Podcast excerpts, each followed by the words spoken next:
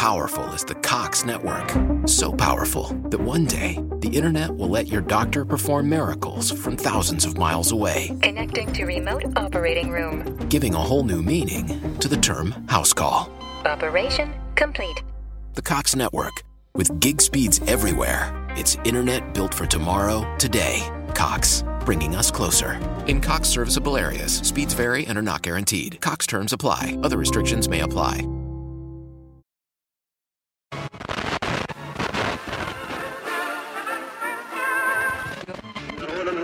سروري وارتباطي أن نرحب بكم في هذه المناسبة السعيدة. هنا خشبة تعكس تفاصيل الحياة. تلخص شيء من حكايا الناس وتختزل الكثير من المشاعر والانفعالات. وما بين وجهين يختصران كل مأساة وملهى تتجلى كل من التراجيديا والكوميديا على خشبة المسرح وتعبران أمام أعين الجمهور. على خشبة انطلقت عليها آفاق الموهبة والأحاسيس مع كل انفراجة لستارها هنا خشبة المسرح خشبة كان لها تاريخ وعناوين وأبطال لتكون الحكاية الأطول في تاريخ الحركة الفنية في المملكة ونشأتها. في حلقتنا من بودكاست 1949 من وزارة الثقافة راح تكون حلقة اليوم مسرحية بامتياز. ضيفنا لهذه الحلقة الأستاذ صالح زمنان. المسرح. انحدرت فيما يبدو إرهاصات المسرح الأولى من مجاهيل التاريخ الأقدم هناك عندما تعلم الإنسان الرقص باعتباره أقدم الوسائل التي كان الناس ينفسون بها عن انفعالاتهم. من ثمة كانت الخطوة ال- الأولى نحو الفنون.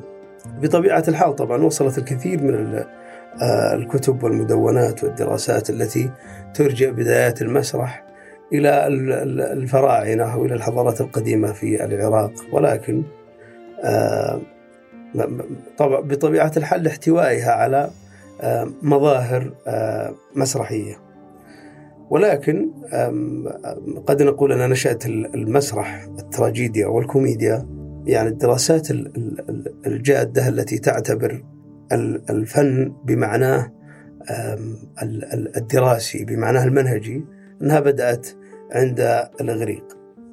التراجيديا والكوميديا حسب رأي أرسطو هي نشأت عبر الارتجال داخل الطقوسيات الدينية. ولدت الدراما من رحم الشعر ال- ال- الإغريقي. فإن كانت أغاني آه، ديثرامبوس تمثل مرحلة متأخرة من الشعر الغنائي الإغريقي إلا أنها تمثل أيضا النواة الحقيقية التي أنبتت الشعر. الدرامي. طبعا نقول الشعر الدرامي في تلك المرحلة كما هو معروف المسرح استمر شعرا طبعا لقرون كثيرة. هذا الشعر الدرامي عبر تطويره وإضافة الدراما التمثيلية فيه شكل هذا ما سمي بالتراجيديا آه، واستقلت لاحقا وأصبحت آه، منفصلة عن الكوميديا أو أصبحت تضاف إلى مجموعة المسرحيات ال- ال- التراجيدية التي يقوم بها الشاعر الإغريقي تنتهي آه، بمسرحية كوميدية. يمكننا أيضا القول أن منشأ المسرح مرتبط بال- بال- بال- بالإغريق مرتبط بشعائرهم الدينية يعني مهما كانت الإشراقات الأخرى المحتملة لهذا الفن والصراع داخل هذه الطقوسيات الدينية والميثولوجيا الإغريقية كان هو السبب الرئيس الذي جعل هذا هذه المظاهر أو هذا التمسرح ينتقل من داخل المعابد إلى آه، ال- ال- ال- المسرح. طبعا الإغريق استطاعوا أن يكملوا ملامح المسرحية الجمالية والتكوينية بحكم التطور الفكري والثقافي والسياسي الذي عاشته أثينا في تلك الأزمان البعيدة م- مقاربة ستة قرون آه، قبل ال- ال- الميلاد. وأكثر. طبعا وأخرجت في تلك المراحل الأولى شعراء آه، لامعين واصطنعت أثينا مزاجا جماهيريا آه، يحيي هذا الفن ويقدر صانعيه.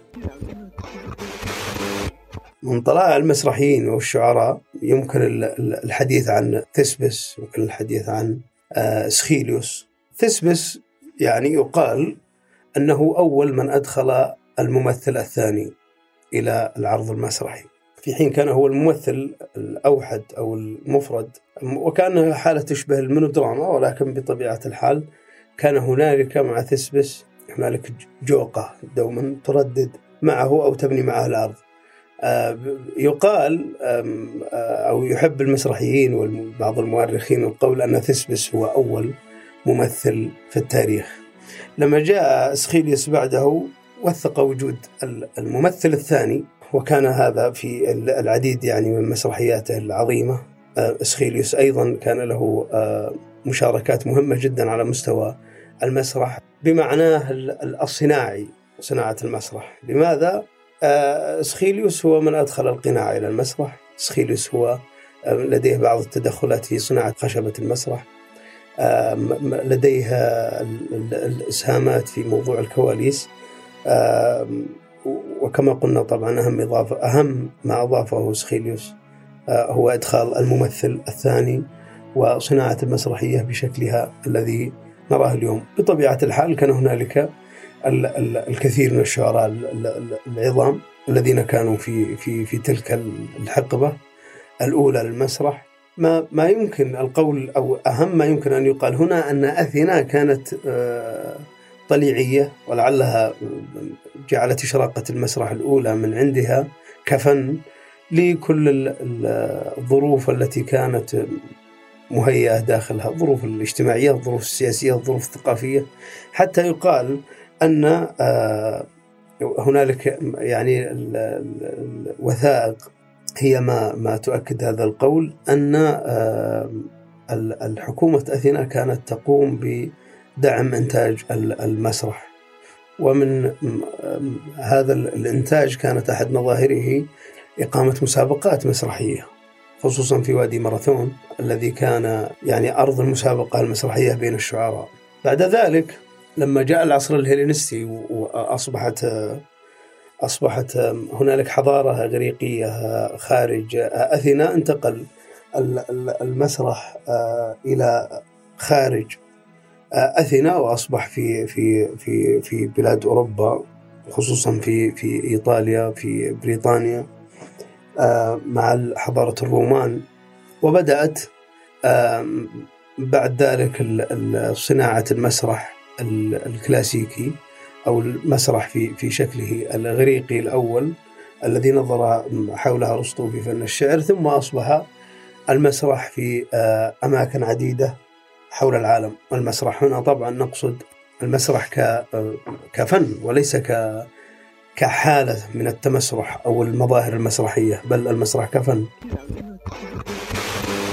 بعد ذلك ظهرت آه، أو تكونت في تلك التاريخ ما بعد المسرح الأرسطي آه، العديد من المدارس أو التطورات التي آه، طرأت على فن المسرح. في العالم الغربي يعني على وجه الخصوص حيث كان موطن المسرح. فبدأ التجديد مع المسرح الإنجليزي مثلا عند شكسبير بطبيعة الحال.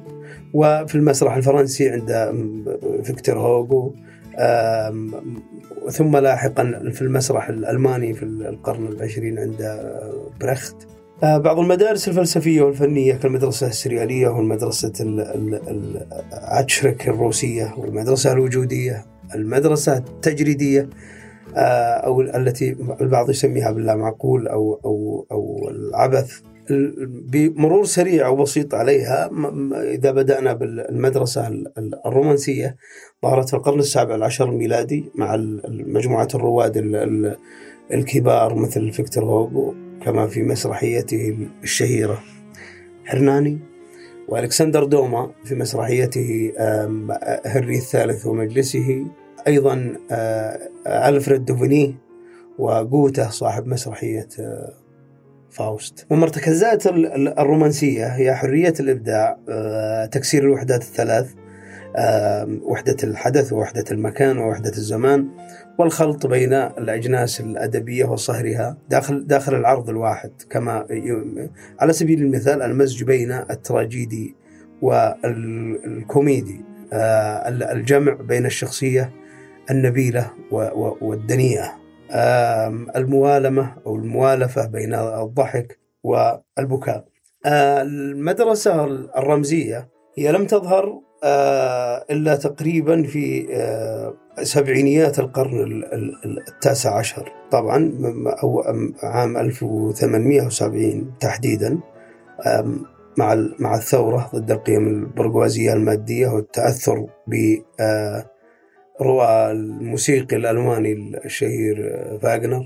لماذا فاغنر لماذا أذكره هنا؟ فا- فاغنر يرى ال- الكاتب الموسيقي الدرامي عليه أن يرسم عالما مثاليا يخلق أساطير على غرار المسرح ال- ال- القديم المسرح ال- الإغريقي الذي بدأنا حوله ال- ال- الك- الكلام.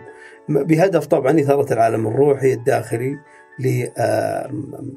للشخصيات طبعا هنالك التصورات فلسفية كان لها أثر كبير يعني في فرنسا آه، في تلك ال- الأيام ساهمت في إفراز تيارات أدبية أو في تيار أدبي رمزي قوي يدعو إلى ال- إلى ال- إلى اللا مسرح الذي يعتمد على الروحانيات وتداعي على اللا شعور أم، نستحضر يعني في هذه الرمزية مثلا نصوص موريس نصوص بول كلوديل نصوص تشيخوف نصوص أبسن طبعا.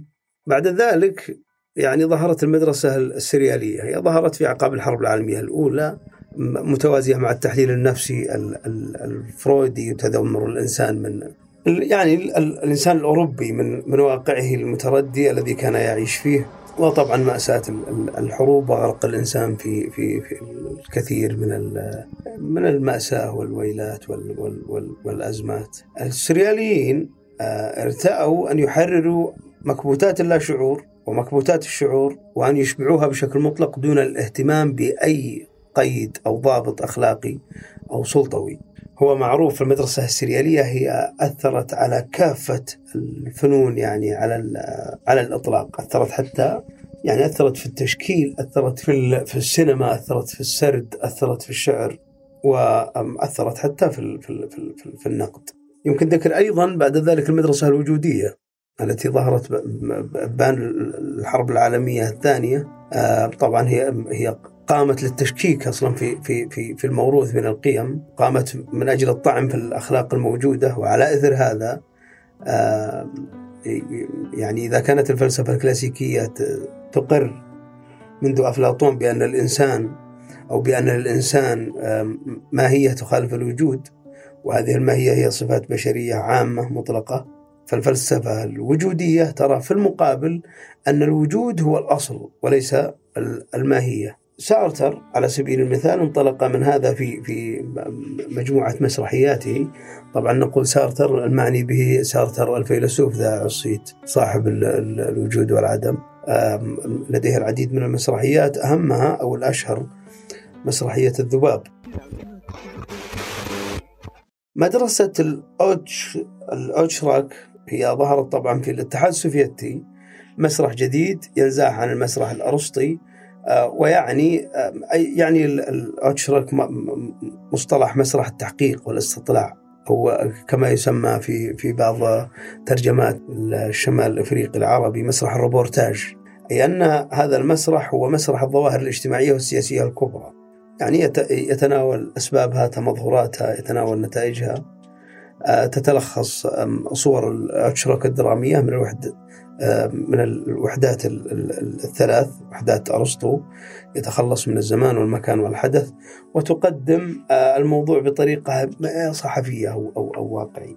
بعد ذلك جاءت ال- المدرسة التي أحدثت واحدة من من كبار أو الثورة الأكبر على الإطلاق إزاء المسرح الأرسطي القديم الإغريقي وهو المسرح الملحمي. أو المدرسة البرختية نسبة إلى آه، برخت أو برشت. طبعا المسرح البرختي هو المعارضة ال- ال- الكبرى على المسرح الأرسطي. في آه، رفض مفهوم التطهير رفض مفهوم التقمص الشخصي استبدلها بالتغيير التغيير الجدلي أي أن المسرح وظيفة تنوير تنوير المجتمع وتحريض الأفكار وليس مجرد آه، تطهير للعواطف. بطبيعة الحال تغيرت مع هذا تقنيات كثيرة جدا من أجل تحقيق هذه آه، الرؤية.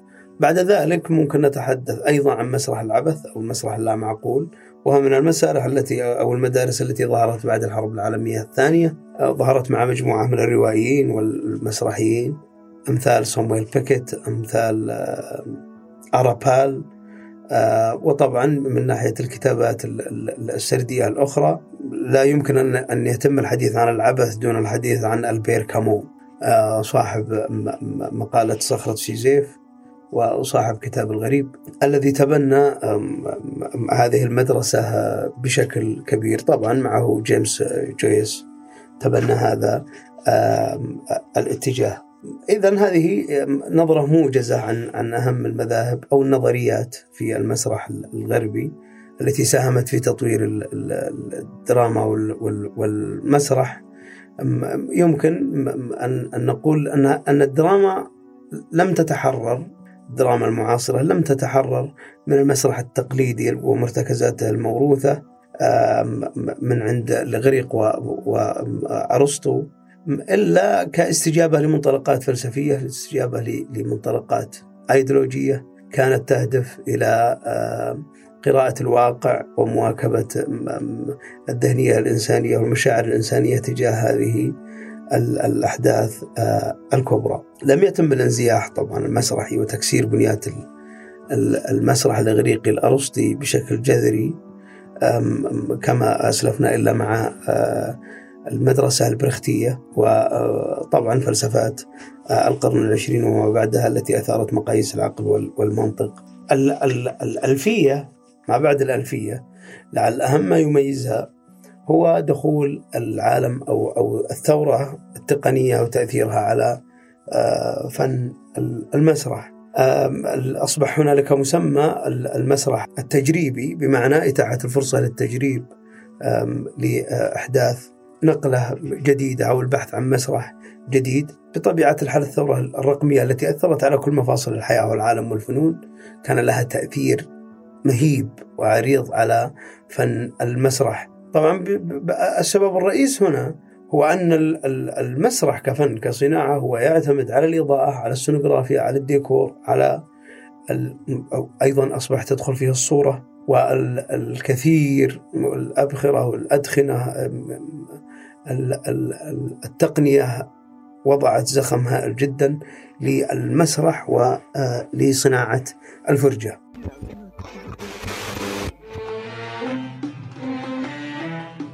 أما المسرح العربي فقد بدأ في في عام 1848 كما تؤكد الوثائق والدراسات على يد مارون النقاش. بإعداده وترجمته لنص البخيل لمولير. بعد ذلك توسع الأمر أو ازدهر مع أبو خليل القباني.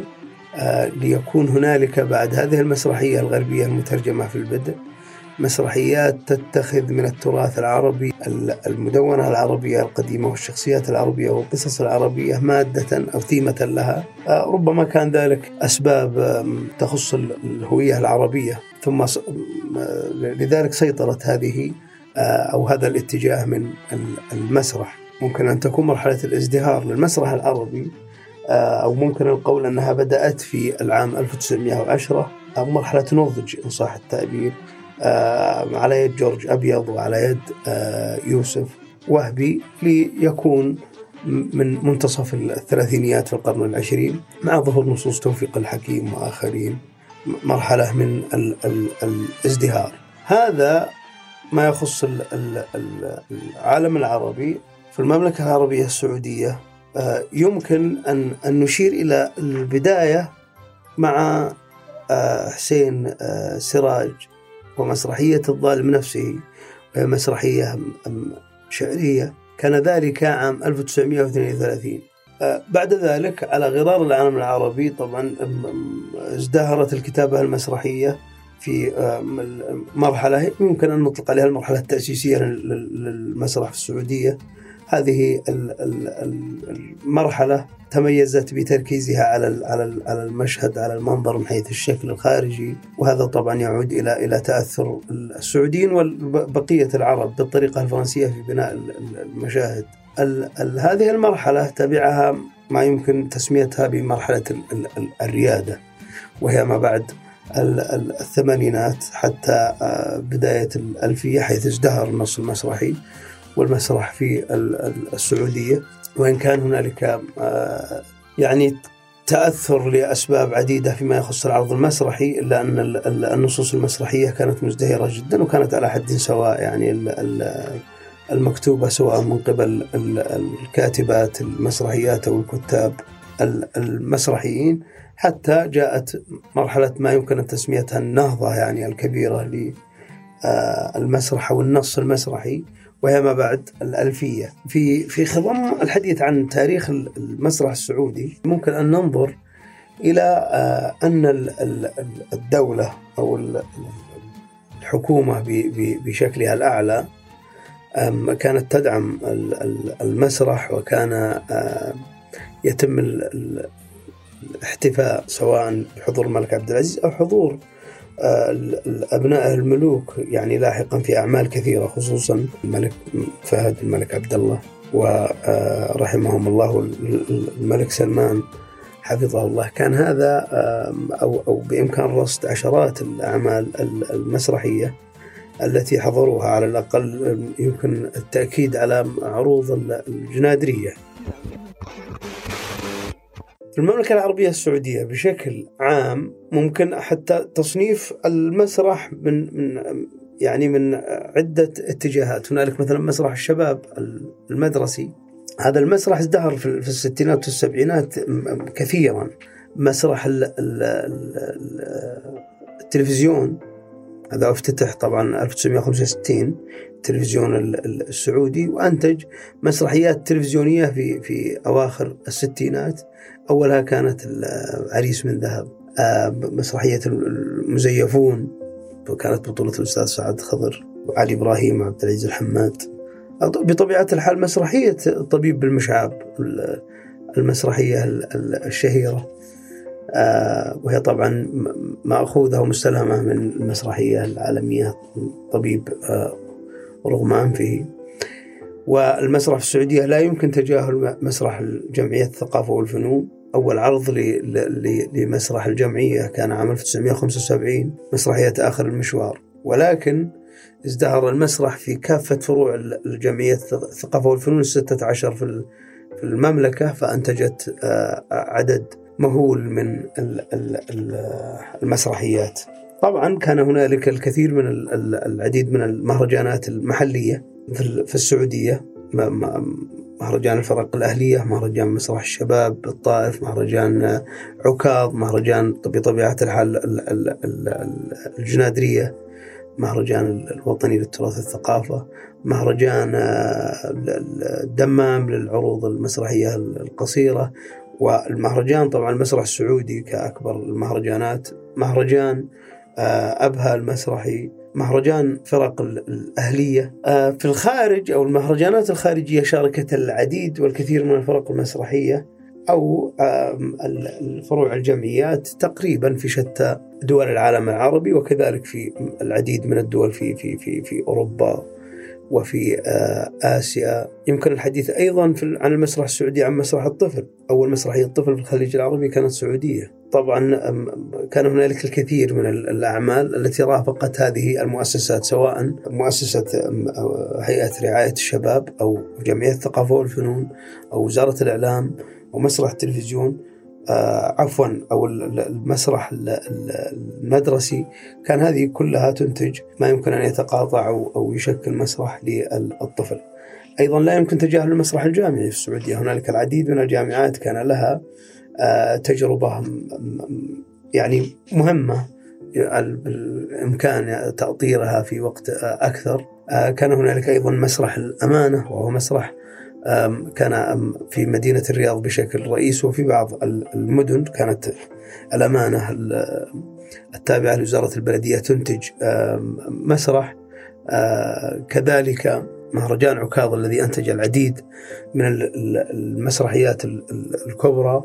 مهرجان قس بن ساعدة في نجران أنتج آه، عملين ضخمين. 2010 أو 2011 2013 بمعنى كان هنالك خلاصة القول الكثير من آه، المؤسسات التي آه، تنتج وتدعم ال- المسرح آه، في السعودية. ولكن كانت هذه الجهود رغم أهميتها وقوتها إلا أنها لم تكن تركز على مفهوم الصناعة. لهذا كان هنالك الكثير من الإنتاج. ولكن كان هنالك تفاوت في موضوع الجودة في موضوع الإنتاج في موضوع التخصص. ولعل هذا يقودنا إلى وزارة الثقافة اليوم وعلى مستقبل الحاضر ومستقبل المسرح السعودي سواء مع وزارة الثقافة بشكلها الأكبر أو مع ذراعها المتخصص في هذا وهو هيئة المسرح والفنون الأدائية. نافلة القول أن المسرح هو آه، صناعة لا شك. لكن من من من فروض القول والحديث أن الصناعة لا يمكن أن تتم إلا عبر كوادر منظمة وكوادر تلقت تعليما وتدريبا منهجيا. هذا من شق والشق الآخر هو تمكين المبدعين والمتخصصين في هذا المجال من من تقديم أعمال تليق بالمملكة العربية السعودية شعبا ودولة وحضارة. ولكن آه، لعل أهم ما تشكله اليوم وزارة الثقافة تحديدا هيئة المسرح والفنون الأدائية هي تنمية هذا القطاع تنمية منهجية مدروسة تقوم على رفع كفاءة المنتمين لهذا القطاع والمحبين لهذا الفن آه، عبر التأهيل عبر التدريب عبر آه، الابتعاث عبر التعليم. ومن ثم إقامة البنية التحتية وإقامة الدعم اللازم للفرق المسرحية وللمسرحيين السعوديين في الذهاب إلى منطقة جديدة ومنطقة مهمة هي لا لا تقدم فنا أو شكلا جماليا فحسب. إنما تقدم الهوية السعودية والحظر السعودي بشكل رائق ورائع. يليق بهذا الشعب وهذا البلد كما يليق ب عظمة فن المسرح.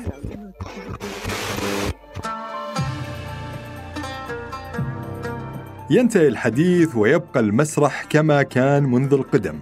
أبو الفنون وحاضن المشهد الثقافي. ومصدر للوعي والأدب والفكر. ومرآة تعكس ملامح المجتمع وتناقش حال أفراده بصوت مسموع. ليسرد بطريقته الخاصة مزجا من الفرح والوجع على حد سواء وليكن. حياة تختصر الحياة.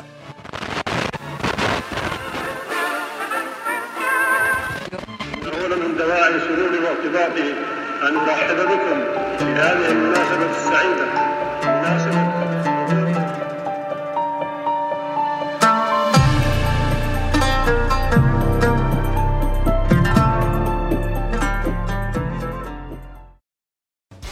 Lucky? Nemacolin's Lady Luck Casino is under new management and better than ever with 26 table games and an array of slot machines for you to test your luck. Try your luck at the table games, hit the slots for the day, or stay overnight to enjoy Nemacolin's luxury accommodations, fine dining, and all that the casino has to offer in one breathtaking mountain location. Visit nemacolin.com for more information and to reserve your stay. Lady Luck is open to the public. Gambling problem? Call 1 800 Gambler.